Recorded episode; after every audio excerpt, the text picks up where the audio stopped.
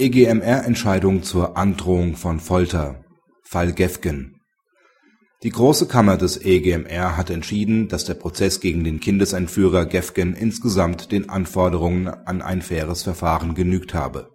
Allerdings seien die Sanktionen gegen den ehemaligen Frankfurter Polizeipräsidenten, auf dessen Veranlassung hin Gefgen Folter angedroht worden war, keine angemessene Reaktion auf den damit verbundenen Verstoß gegen Artikel 3 EMRK gewesen der Fall Gefgen hatte im Jahr 2002 bundesweit Schlagzeilen gemacht.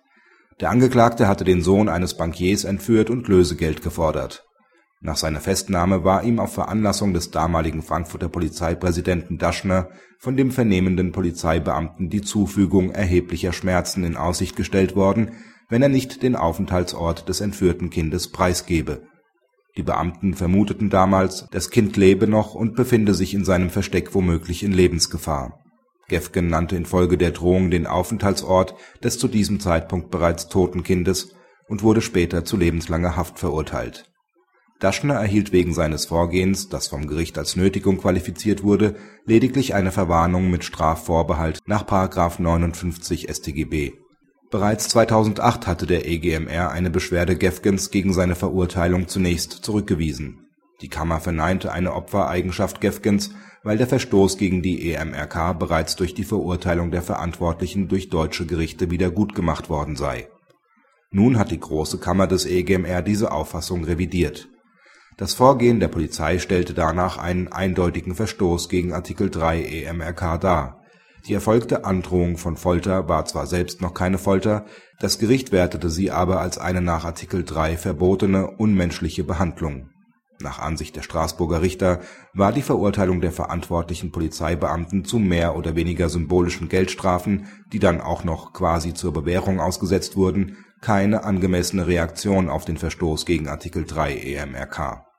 Da zudem über eine Amtshaftungsklage Gefgens von den deutschen Gerichten noch immer nicht entschieden worden sei, liege eine ausreichende Wiedergutmachung bislang noch nicht vor die Große Kammer befasste sich dann noch mit der Frage, ob der Verstoß gegen Artikel 3 EMRK und die Verwertung mittelbar daraus gewonnener Beweismittel nicht einen Verstoß gegen den Grundsatz des fairen Verfahrens nach Artikel 6 EMRK darstellten. Der EGMR betonte dabei, dass Artikel 3 EMRK ein absolutes Verbot bestimmter Vernehmungsmethoden statuiere der wirksame Schutz des Bürgers vor der Anwendung dieser Methoden könne grundsätzlich ein Verwertungsverbot hinsichtlich der durch diese Methoden gewonnenen Beweismittel notwendig machen.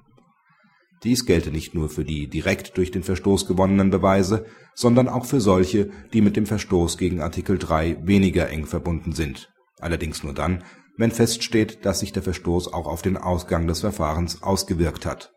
Dies verneinte der EGMR aber im konkreten Fall weil die Verurteilung Gefgens ausschließlich auf dessen neuerliches Geständnis in der Hauptverhandlung gestützt worden war.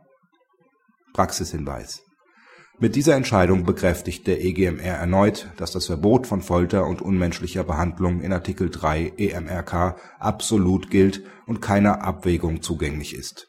Leider bleibt die interessante Frage offen, ob Verstöße gegen Artikel 3 EMRK zur Unverwertbarkeit auch nur mittelbar durch sie gewonnener Beweismittel führen. Der EGMR zieht eine solche Fernwirkung aber immerhin grundsätzlich in Erwägung